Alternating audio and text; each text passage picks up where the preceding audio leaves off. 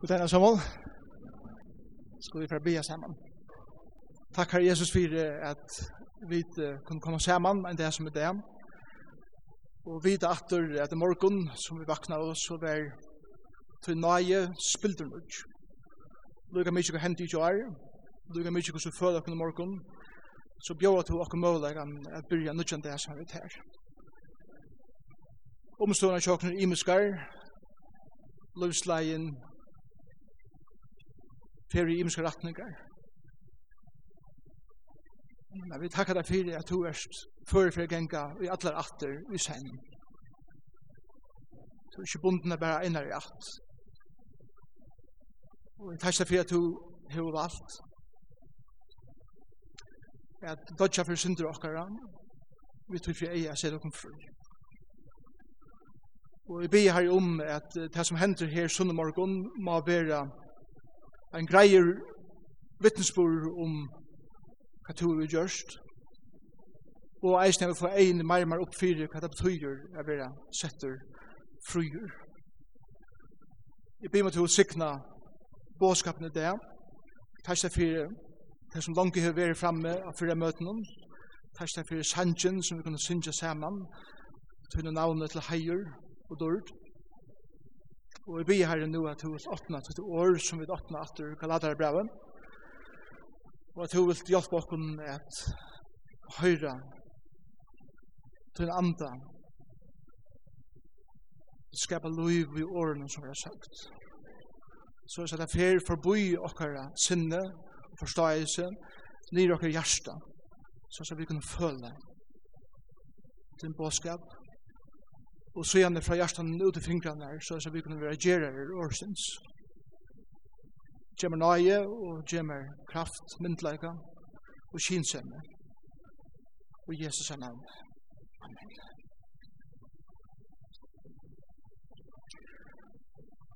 Jeg kjente kultan nyr etter ritsjennom og ofrien i salene. Da jeg trakka jeg inn under kjeltet som hekk iver innkongene. Og kjelten hun stå arbeid makt frei. Stegi var Auschwitz. Fengalevan. Er hundra tusentals jøtar og ånder var avrattet og i gasskømmeren og golgum og av nazisten under øren heimspartei. Arbeid mak frei, etla arbeid djever frelse, var alt ein stor lign. Atlanen tja nazisten ver a få fengar inn av fengarlevna, at arbeid ui tui vogn at kjøtt for frelse er koma. Men det var alt en stor lign. Vi vet at så var ikkje. Vi vet at hese årene er arbeid mak frei, som lova i false enda i rævliga i pynu, og grum og deia for fengene som er ført inn her. Kjenslan som jeg heit har kom ut av Auschwitz var nekk verre enn ta ui jeg får inn kølde barakken der og høre kottjener, gasskømerne, golkaner, badna skekvaner, menneskeharene, koffersene vi nøvne, nøvne noen av menneskene av, brillene er. Og så nekver er loter som var tikkner fra hessen fengene som var drippner. Det er mer spudgjende band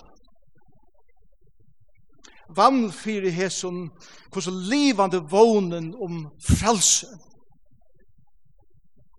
skulle være misbrukt, det misnukt at utrota ósek mennesker.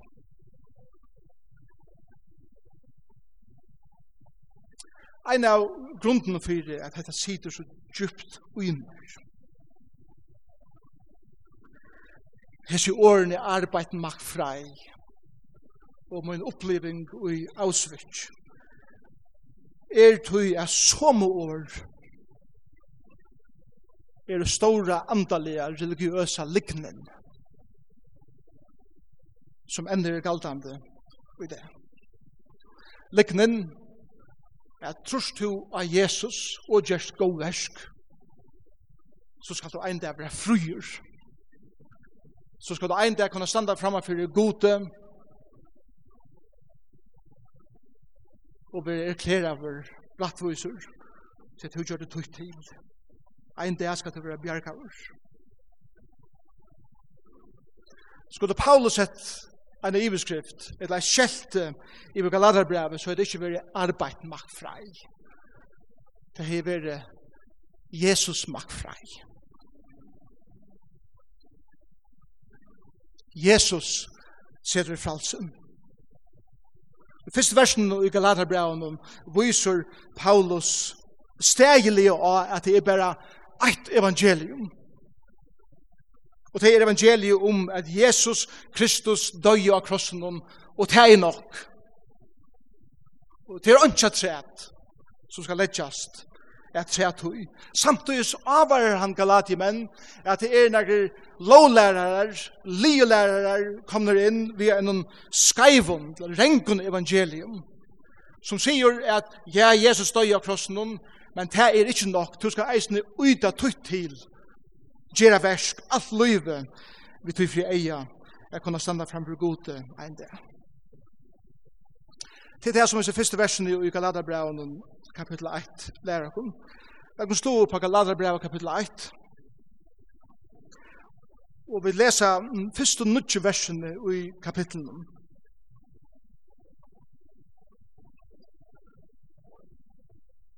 Jeg får oppmuntringen at uh, her er Bibelen vi, eller her er telefonen, tjadikon, og for eisne det er at lesa Galaterbrev i jöknun atter og atter, så at det koma av møte vel fyra så at bådskapen kan koma enda bedre inn til dette året i livande, året gods.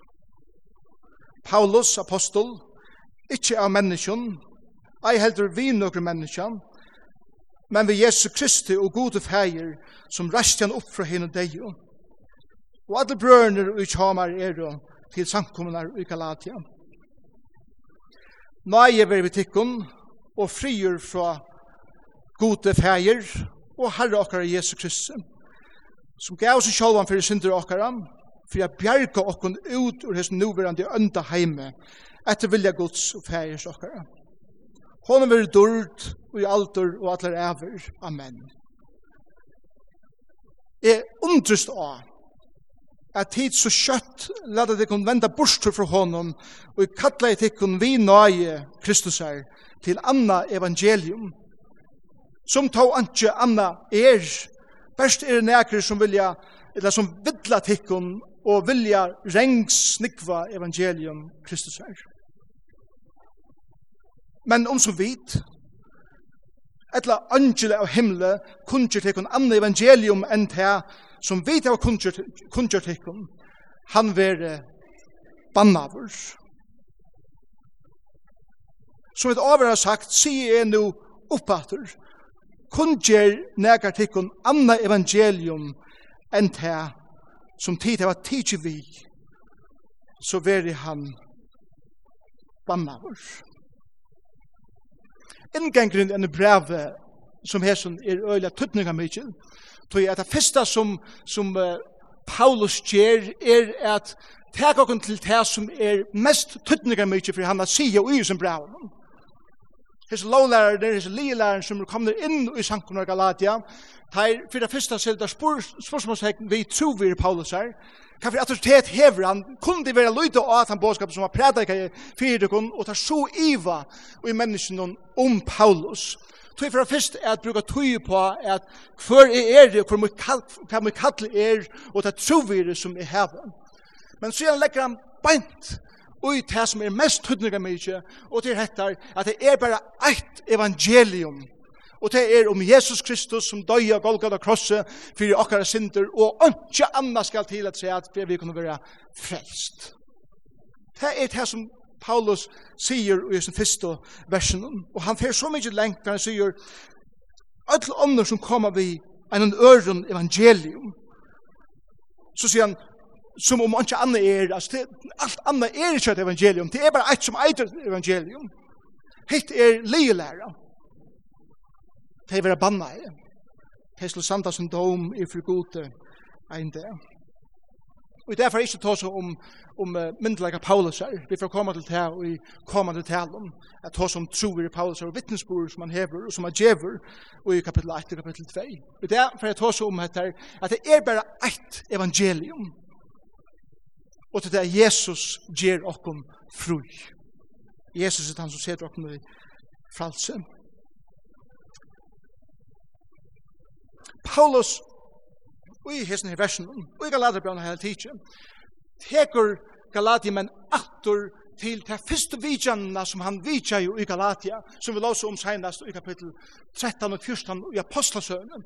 Så det første vi kommer til Galatia er prædik evangelium, er at Jesus Kristus døg av krossen, og han døg til syndafyrigjen for alt de som kommer til trygg av ham. Det var evangeliet. Og nu tek han deg atter her til og sier, minnes til det første, minnes første vidjanna, minnes det første evangeliet som har prædika til tikkara. Og han avvarer det imot det sinne nutja som kom inn, og hver tid letja ötelse tingene etter at evangelien som er lige læra. Og tog er det nummer 1 fyrir okkom, at hos som det heter,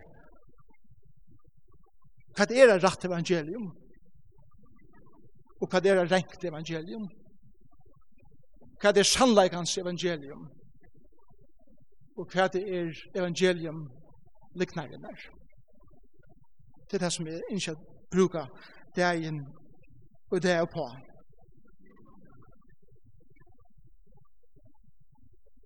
Arbeid makt frei, etla Jesus makt frei.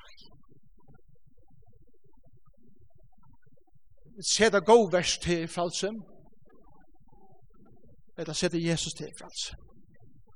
Til høvespornigrum i det. En rett evangelium viser Paulus okkom i vers 3 og 4 og 5. Jeg må lese det fyrir knæfra sett. Nøye vever tikkum og frier fra gode feir og herre okkar Jesus Kristus som gav seg sjálvan fyrir synder okkara fyrir a bjerg okkara ut ur hesson nuverandi ønda heime etter vilja Guds og fær i.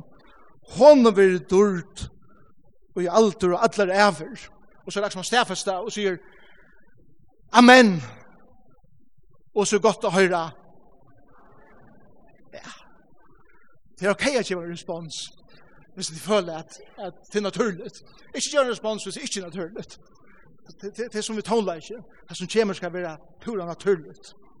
Et rett evangelium er glede påskapen om hva Jesus hever gjørst for jokken, men vi er hva at God hever i sunn i atlan vi sunn skapana vekkje. Hvor hans atlan er for öllum tøy som han har skapt, öllum tøy som han har gjørst, og i sentrum av tøy sider hans skapana versen, menneskjen, kronan av skapana versk. For det første er det hette at feiren og soneren innsjå okkur nøye og fri. Vers 3. Nøye og frier fra gode. Nøye hette henne gavan som er som er av oppoboren, som er given okkur av feiren og jokken sonen, kjer som av. Nøye. er som ikke er oppoboren. Nei, er så tøttnega mykje for meg personlig at jeg, jeg kattla i mine yngste døtter Karita, som er gresk og betyr nøye.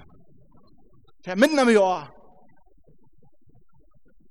Jeg trekker ut hos hansin kvann morgen ved nødgjør nøye fra gode, som gjemmer fri, fullkomna fri, og i ødler og mysterien av løyven som leikar ui rundt om morgon, til det fyrsta. Det neste er vers 4, som gav seg sjolvan fire synder okkara. Fyra vi skulle få nøye, fyra vi kunne få fri i løyvnum, hever Jesus Kristus give seg sjálvan fyra okkum. Det er Jesus her krossen om, det er ikke for det første en karlaksgjer i måte okkum. Det var det ikke. Det var en karlaksgjer, men ikke for det første en karlaksgjer i måte okkum. Det var heldur, heldur ikke et, et hetjoversk, hva Jesus har på krossen og sier, hm, hygget mer. Det var heldur ikke. Deie Kristus her av krossen var et offer. For jeg stytla til fullkomna krev og ta vreie som fægeren hever imot synd. Og det er at æra maungods, det er at litta god fægeren hakst som hever oppåbore allan heier og alla dörd. Og da menneskene vender seg fra hånden, som er vreie gods i menneskene, og for jeg stidlet her vreiene, for jeg gjør menneskene ein møveleika, da gjør Jesus av krossen for tøyne mine sitt. Frelsan er først og fremst vi god å gjøre, åren, det vi åkna gjøre. Vi har avgående av av reie Guds stytla. Så han hyggja sin son som han elskar, og han sier, du er offre som er godt nok for meg. Og hvor han har vært sprongt der opp, så menneskjen nu har kunnet genge inn i jøkkenen, inn i samfunnet, vi sjalvan. Han offra i seg han sier at han gav seg sjálvan fyrir synder okkar. At hun så elskar i god heimen at han gav sånn sin einbarn. God hever offra seg. At det er djeva er at være et offer, at offra seg fyrir mina synd. Han offra seg så at, så at mitt hætur, at min ofyre djeving, at min gjernd, mitt kjoldsøkne, min stoltleitje, kunne være golden fyrir og golgata krossen, og jeg vil bo inn i samfunnet ved Jesus Kristus. Og så sier han i i vers 4 vågjere, og fyrir jeg bjerga okkon ut ur hessen nuverande ønda heime. Fyrir jeg bjerga okkon ut ur hessen ønda nuverande heime. Betyr ikke det at Jo, det betyr eisen til, men ikke først og fremst til at Jesus fra en dag kom atter, at han kom vekk igjen. Det er fyrir han en dag. Men hvis jeg atter er til som lager primært, så er jeg just ut av løtene av frelst og han tidsen heim. Men han sier at vi var tidsen ur hesten ønda heim, så betyr det til at vi skulle være i heimen, men ønskaperen, heimsens rujtje skal ikkje hava valgt åke langt til vi var ført inn i et anna rujtje, Guds rujtje som er til i hesten heime, som setter oss fri at liva et liv som er ikkje bunden av ønskapen som er her, men vi kunne reise oss opp og vi kunne standa imot ønskapen i kraft heilig andans. Og liva i verda livnen av mågong og synd og ødel men at utstråla helt nega anna og i sin heime. Det er det som Jesus vil gi okkur myndelagan til vi heilig andan og i sin heime. Hugst vi kun det som Jesus gjer Han fer Og han fer forbi til største barrieren av fyrir seg mennesker fri, og til å stytla vrei færsins, og til gjør det vi at leda seg neklig seg hender og føtter av Golgata krosse, og han galt her fyrir okkara sind. At han hatt her. Forbi hatter. Så her han gjør satan, og her er han seg fyrir skommen ta han avvåpna i tignene i valtene, og tog ødel våpnene fra dem. Og han får nye deier ut, og han tog liklaner, likar deians og deier utsins, og sier, jeg er oppresten og livet, mer er vi alt vald og hemmelig og gjørs. Og han kommer inn i okkara fengehus, som er fengt og i synd, og han sprunger horan opp. Han røyver lasen i av. Han kommer og sluter kjetner og lantjener av okken, og sier, Kom ut! Kom ut ur fengehusen! Jeg har ledet ditt dittnar opp, jeg har sprongt her opp, jeg har betalt fyrir det her som det koster å få det ut. Kom ut! Så sier jeg dit, enn i så fengehusen, er alt mulig skriv på vekkene, er alt mulig skilte, som sier, du er ikke god nok. Du må så Jesus sevast. Du må helst være sikker inni her, helst enn fra ut av ovissa, sjokk om det boar frelsen. Og Kristus råpar av fengene og sier, jeg har betalt fyrir alt, kom ut! Som er færre ut, og som er sier, nei, nei, jeg tår ikke, jeg har leveret bare her. Som er fære ut, og inn innatur. Men Kristus har betalt fyrir alt det som skal til, fyrir at vi kunne være fri. Han har bjerget okken. Amen. Han leier okken ut ur fengehusen. Han leier okken inn i et nytt rydtje. Inn i en nytt kraft. Her vidt nu hava myndelagan og i Jesus navn. Jeg sier, jeg tror jeg stande opp mot synd. Jeg tar jeg stande opp mot årettvisen og hesten heime. Jeg tar jeg litt høtt i høgt tog at jeg veit at jeg setter fralse, jeg elskar, jeg er god tidsen. Han sier stempel stender av mer, han sier navn er ingravera inni hans er hånd. Jeg setter fryer, jeg setter fralser ultimativt skal Herren teka okken ur sin heim, heim i himmelen, til søyn er vera, men inntil ta, kunne vi spreia helt nega anna i sin heim enn det som vi lever i vi kunne spreia karlaika, vi kunne spreia fri, vi kunne djeva nøye, vi kunne hjelpa folk til å være sett i fralse, vi kunne komme vi mild, vi mildleika, vi kunne komme vi trofeste, vi kunne komme vi sånn her, ja, vi kunne halga i til hver annan, vi kunne tåre a standa vi flaggen, som flaggar, som sier at konkurren er i husen i det. Og han setter fralse. Hesen kongren, Jesus, Vurst jo hva det er. At livet er som rydgen, som er sett en fri, samtidig som vi lever i heimsens rydgen, som er fullt av synd og ønskapet. Og Jesus sier det selv hva det er som han gjør det. I Lukas 4. Andi herrans er ive mer.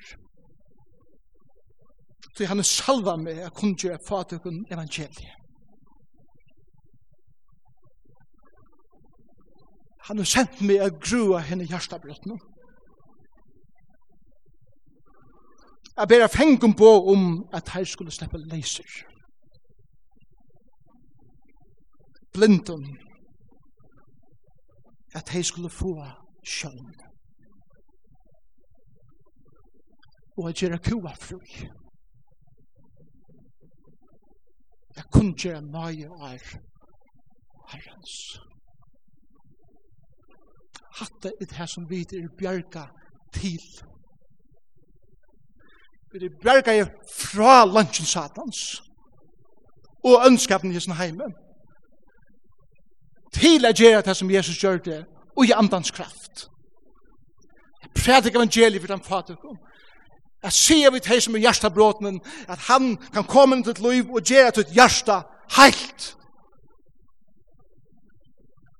At lærte til som er kua i få vite at de kunne være sett frøy Jeg tårer jeg stand opp mot det året vi ser i sin heime. Og kun gjør nøye året. Nøye tøyene. Her Jesus ser det mennesker som er bunden i fralse. Vers 5 minner dere nå at han tog initiativet til alt det her, tog er han alle ærene. Hånden blir dørt og i alt og alt alle ærer. Amen. Jeg kan omgå det sige, jeg fann på at her, så kom, kom, ikke mer som det ære.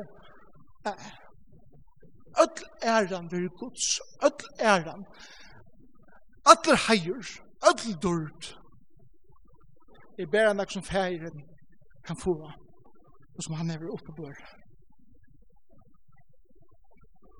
Han ser rett evangelium tid. Hva er det rengt evangelium? vers 6. Jeg undrest av at tid så kjøtla vi kan venda bort fra hånden. Vi kattla etikken vi nå er i Kristus her til anna evangelium som tog ikke anna er. Altså vi gjør når at er seg evangelium, at er også anna. Og så sier han hvordan det er kommet inn. Best er nægger som vittla tikkun og vilja rengsnikva. Altså at benta, at gjøre det skreft. Nastan så snilt, man er nastan så det det, til det lyder så nekv. Evangelium Kristus er. Det er det som han sier i sin versen her. Legg meg ikke til, jeg undrust av at hit så kjøtt, let dere vente borster fra hånden, og jeg kattler dere med nøye Kristus er til andre evangelium. Legg meg ikke til hva Paulus sier her, at vi at venda evangelien om Jesus Kristus bostur, så venda det ikke bare okken fra en båskap, men venda okken fra en person. Vi venda okken fra Jesus. Om vi færre at letja versk at frelseversen. Vi venda okken fra okkar personliga samfunnet vi Jesus og Paulus undrast. At hese menneskene som, som var bjarga i utrusen fenga hålen hver de kjingu ut og kunne njóta frelse som de høtte. Nå blir jeg krupa innatur bare til at negri jötar som kalla seg at hava myndleikar er kommer inn og sier at det som Paulus predikar er ikke ordentlig godt nok, det skulle noen ting til at træt, og de færre krupande inn og i hålet og missa alla myndleikar og kraft i løyvnen og gjøres fengar. Og Paulus sier at enda malet til hessen lovlæreren er å komme inn at vidla tikkum, til å skapa ofri, til at motsatt år til år i, i, i i vers 3, er innsikten fri. Hette året er et motsatt år at vi skapa ofri, Jeg skapa ofri i hugsanina til folk. at skapa ofri i mittelmennesken i samkommunen, til at jeg vilja rengsnikva evangelium Kristus er, i det som jeg sier et rengt evangelium, et skarft evangelium.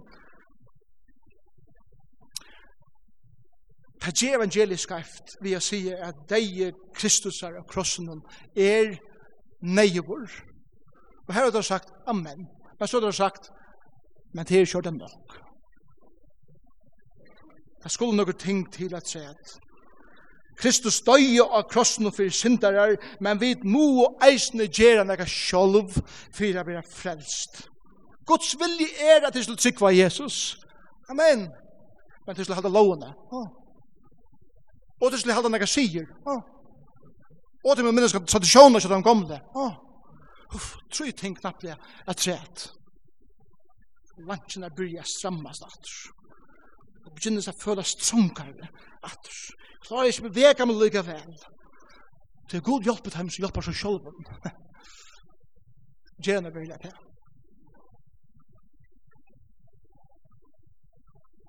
Nidjan tvei furs var det flere folk som døy i Chicago om randen av høypøyntabletten.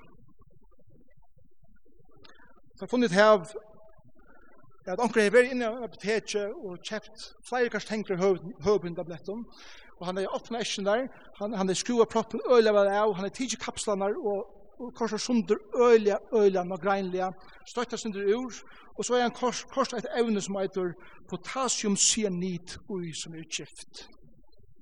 Blandet det på, korset kapslene og atter, innsikla eschen av nudjum, og færen atter i apotekvirisen, lett inn atter. Og folk kom og kjeipa og flere folk døye i Chicago. Det heldig at det tog av rette medisiner. Men det gjør det til at han blanda vi noen øren. Nek mennesker kommer inn i sankummer kyrkjer og høyre båskapen predikeren der og halda at det er rette medisiner de få. Men det er det at det blanda vi noen øren som ikke høyre heima her. Løy det er rævlig en andelig en deia et av rævlig minnen som er her fra Auschwitz, da jeg var her, var jeg suttja hvordan nazistene gjør det rønter vi nødgjøn heile vei og fengene. For gå og fengene heile vei som var blanda vi evnen, nødgjøn evnen som tar granska vi i, for jeg suttja for avvurskan til for å heve av likamene. Østlytene var rævligt det var pynefotler og rævlig deie som er fengan når jeg avsvits opplevd. Hoksa da så at døtter tog inn er en av fengene. En av fengene som er sånn heilvaren ved rønder av og til sørst hvordan døtter tog inn brøytest. Og til vittne til hver rævleikar hetta medicine sånn heile av vår gjer av døtter til. Jeg har gjort alt i min makt. Sjalt om det skulle kosta meg deian.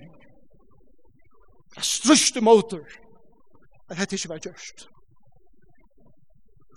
Kæra sankommer, sorgaleikeren er tått han, at mong mennesker færre gjør en rævlig løyingar av religiøsen byrum ved det som et skarft, som et rengt evangelium legger av til. Det skal eitas for å være heilevaver, men det drepande gift. Lika med vi ikke vanskjevla, men salen vil sundersåra. Gøgnene vil ikke eitra, men skuldakjensen er nøyva hjertet. Beina grinden vil ikke bråten, men livsgleden vil sågen ur mergenen.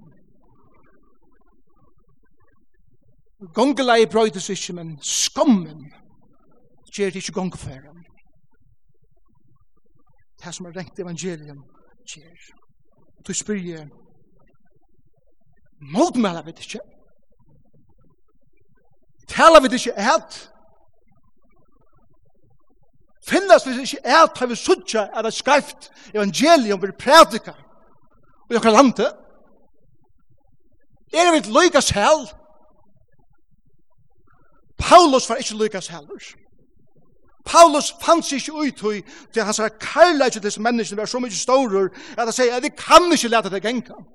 Og tog sier han i vers 8 om så vid etla andra himle Jeg vet ikke hva han sier hatt her. er mulig at hun at hese her lovlærerne kommer inn og har sagt et eller annet vid henne autoriteten fra himmelen eller en angel her oppenbærer for et eller annet sier bare det her til.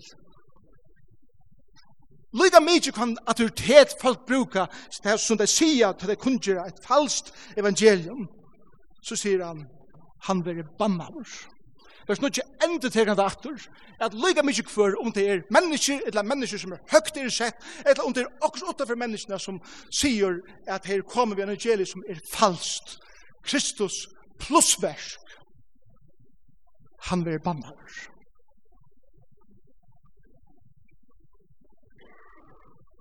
så jeg hadde galdande i fire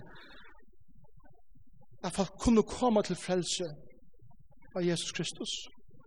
Men altså eisende galdande fire tar jeg mennesker i komme til trygg av Jesus Kristus og vi byrja prædika at du må gjøre hattar og gjøre hit og gjøre hattar og halda hattar og gjøre hattar og så vi jeg. vi tog for eia at det skulle gjøres bedre og bedre for god. Det er falskt evangelium. Paulus bamba i kvantan som kundgjør til et strengt evangelium. Paulus var så utrolig miskunnshemmer og gåver i folk som ikke høtte det godt. Han elskar det. Men han var gråt herrer og tørde at tala sannleikan om åter teimen som kom inn ved en skaiven båskapet. Jeg hadde veldig huksa om munnen og arbeid maktfrein. Og Jesus maktfrein. Det er det som evangeliet. Det er himmelvujer munner. Arbeid maktfrei for jeg fører det inn i en fengaleve som er nekva for en av verre er avsvitt. Vær. Det er for jeg sikva livsmåte og livsgledene ur tøynen merke. Og for jeg sitter her sunde at man sunde og føler det så nyalige og så utlikvajan til at du klarar ikke livet opp til det som du heldur god krever det her. Jesus makt frei er et helt anna evangelium. Det er et nøye evangelium Det er frelses båskaper som får leie det inn i et land. Her glede og frier og frelse og kreativiteter og karlæge ei kjenner borgerne. Ikke tog sorg og sakner, skuffelse og mågånd er en pastor av til landen men derfor ikke tega livsmåte fra ter til frelses luften i landen gjev det nytt mot nytt av vogn og nytt av byrjan. Kvann det? Så tar jeg leser vers 6 at du sier, er undrist å ha tid så kjøtt. Vend det her som bedre, og for jeg krupan de inn i så hålna. Hva feiler det ikke om? Føler det Paulus?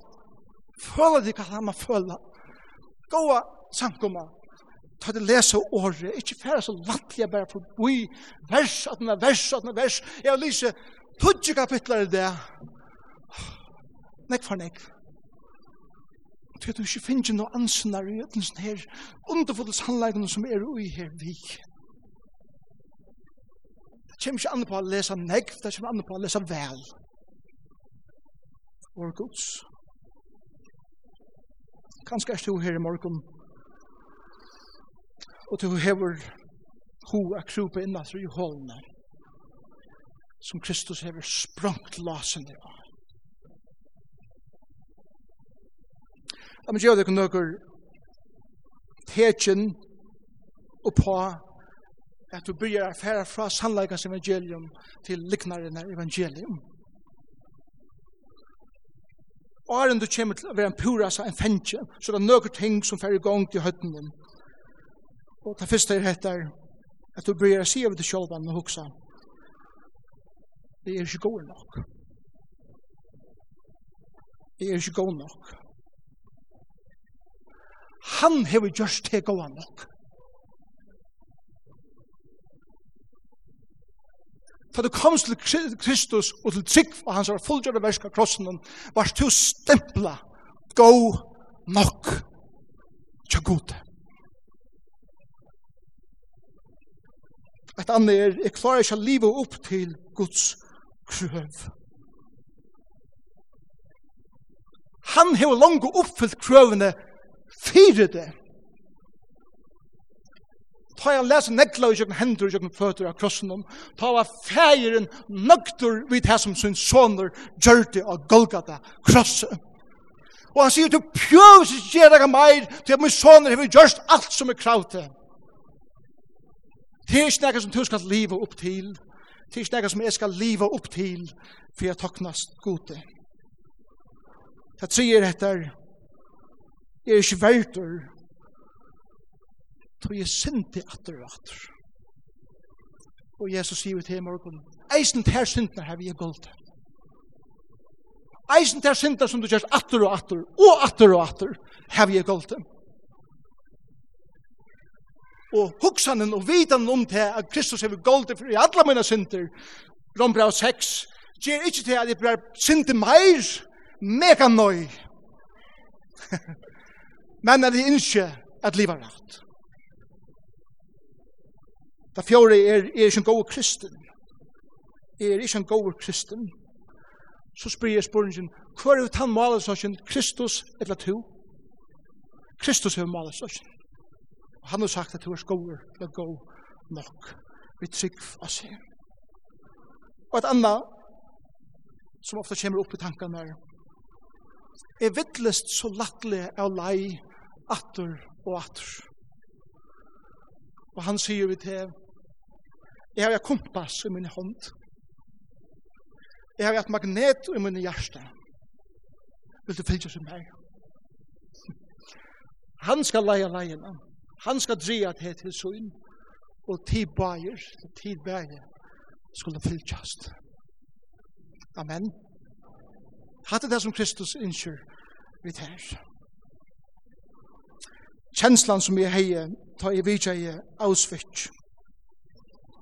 Jeg vidtja attor ter på affærene jeg har vært i Israel siste årene, og vidtja i Yad Vishim, minnestegi for alle de 6 millioner jødene som var rypt ned under øren heimsberg. Ja. Det er kjenslen der, er som spudgjende vammelen, blanda vi utrolig djupa sorg, komme atter og atter. Og du tog ta i ferd til Jerusalem, at, at, at, at jeg må vidja test steg og atter og atter. Hvor, hvor skulle vi så vidja Auschwitz og hese støyene atter og atter? Jo, til hverja fer blir jeg mynter av at ønskaper er verlig i sin heimen. Og jeg vil ikke over til at være vi i bardagen, og i måter at det som hender i Auschwitz, nærkant du skal hende atter. Hvor skulle vi så lese Galaterbrevet atter og atter. Jo, det er kvarja fyr i vidtje til brev. Vi har mynt av. Kvært eit reng snikvi evangelium gjer av menneskjum. Og hvordan det forgifta deg, og hvordan det brøyde deg nyer, og hvordan det gjer deg til tenkar. Og i navnen av religiositetet, og kjalt i navnet Jesus er, og jeg vil etja over til, at halda av i bardein mot, at slutt evangelium, ikke vil prædika om. Vi er vidt til å prædika til ratta og til reina evangeliet om at Jesus Kristus er nok og ikke mer. Og at han at her skal han gjeva til her og mer alt som åkken tørver til å leve okkar andre liv. Og han minner åkken å ha ikke leite atter inn i hålene atter og atter. Men fær ut og i dette landet som hever luftene og engan hev nøye andat det djupt, let det komme helt nye i bøtjen, ut i fingrasbussene, så så akkurat lyver er eikjent av hesson, at liva i frelse og i nøye Kristus er. Er du her i morgen?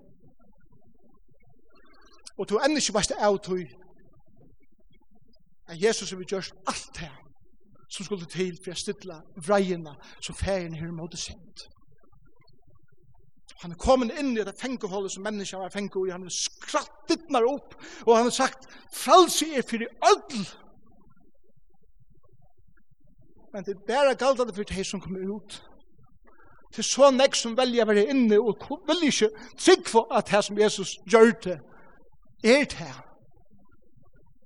Kanskje jeg stod inne her i morgen, og tørst omgang til trakkar ut ur hans hållene. Horene er det skrattar upp. Fyr åpi ut. Vill du i morgon? Vill du i morgon? Sucha Jesus vid ditt när ratta där händerna in och hålla dig ut och säga, jag kommer, Jag kommer, jag kommer ut. Jeg tar jeg tenker første side, og han sier, ok, jeg skal hjelpe deg å tenke neste side, og du tenker neste, og du føler at du vil dryen ut ur fengehusen, inn i det fria landet som Kristus bjør til evigt liv, ur myskene inn i ljøse, ur degen inn i livet. Her bjør Kristus til her mørken. Ikke kærvinner, ikke færre ut henne i det, og så veist innast inn i din hjärsta at du ikke er frelstur, at du ikke er frelst. Kom til Jesus og i det, bøgte vi hans her kross og takk om fire at han er golde for tøyne synd. Og han skal teka det og han skal gjeva det hele andan. Og han skal gjeva det nytt liv men du måst teka det avgjørende ungen kan teka det avgjørende fire til at det er en personlig at det er en innelig personlig avgjørende fire til kæra luften kære brøver og systrar, som har kjent hatt der. Det hadde ikke vært sagt om okken at det er hundrust av at det er så kjøtt krupa innan til hånd. Men det hadde vært sagt om okken at det er et menneske som har finnet enig og fyrt hvor Jesus er og har finnet kraften av i hele andan av livet ikke som fengar i sin heim, men bjerka. Jeg kunne ikke evangeliet for, for den fadet jeg Jeg lette fengar vite at han setter frier. Jeg kunne gjøre hjertabrotten at hjertet kan være gjort helt atter. Jeg kunne gjøre at som er nye bøk til skam, at jeg kunne lytte høddig opp til at Kristus har sett deg fri. Jeg kunne gjøre nøye år. Herrens. Skal vi be sammen?